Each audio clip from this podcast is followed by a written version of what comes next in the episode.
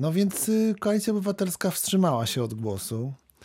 Uważaliśmy, że ten plan powinien być jeszcze doprecyzowany.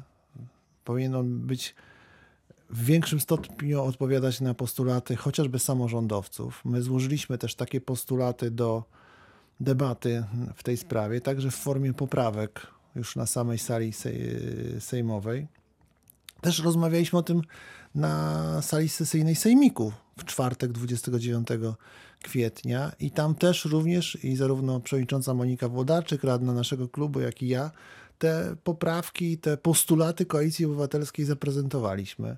Może w następnej, w drugiej części, czy w następnych minutach o tym porozmawiamy.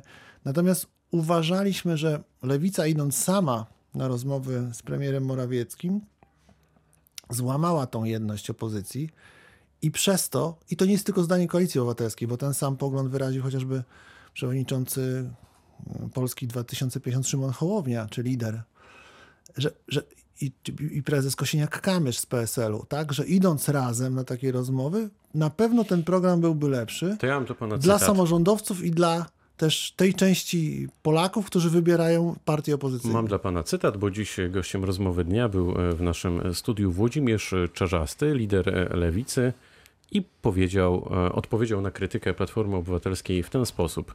Jeszcze raz powtarzam, z takim uporem nie maniaka, wszyscy posłowie Hołowni, PSL-u i Lewicy głosowali za pieniędzmi dla Polski, czy się komuś to podoba, czy nie, głosowali razem z PiSem. Pan Budka podjął decyzję o głosowaniu nie za pieniędzmi dla Polski, głosował razem z Konfederacją i głosował z panem Ziobro. Jeżeli chodzi o opozycję, to nie dam się wtłoczyć w taką sytuację, że całą opozycję reprezentuje jedna partia. Ja nie, nie reprezentuję opozycji i Budka nie reprezentuje opozycji. Koniec cytatu.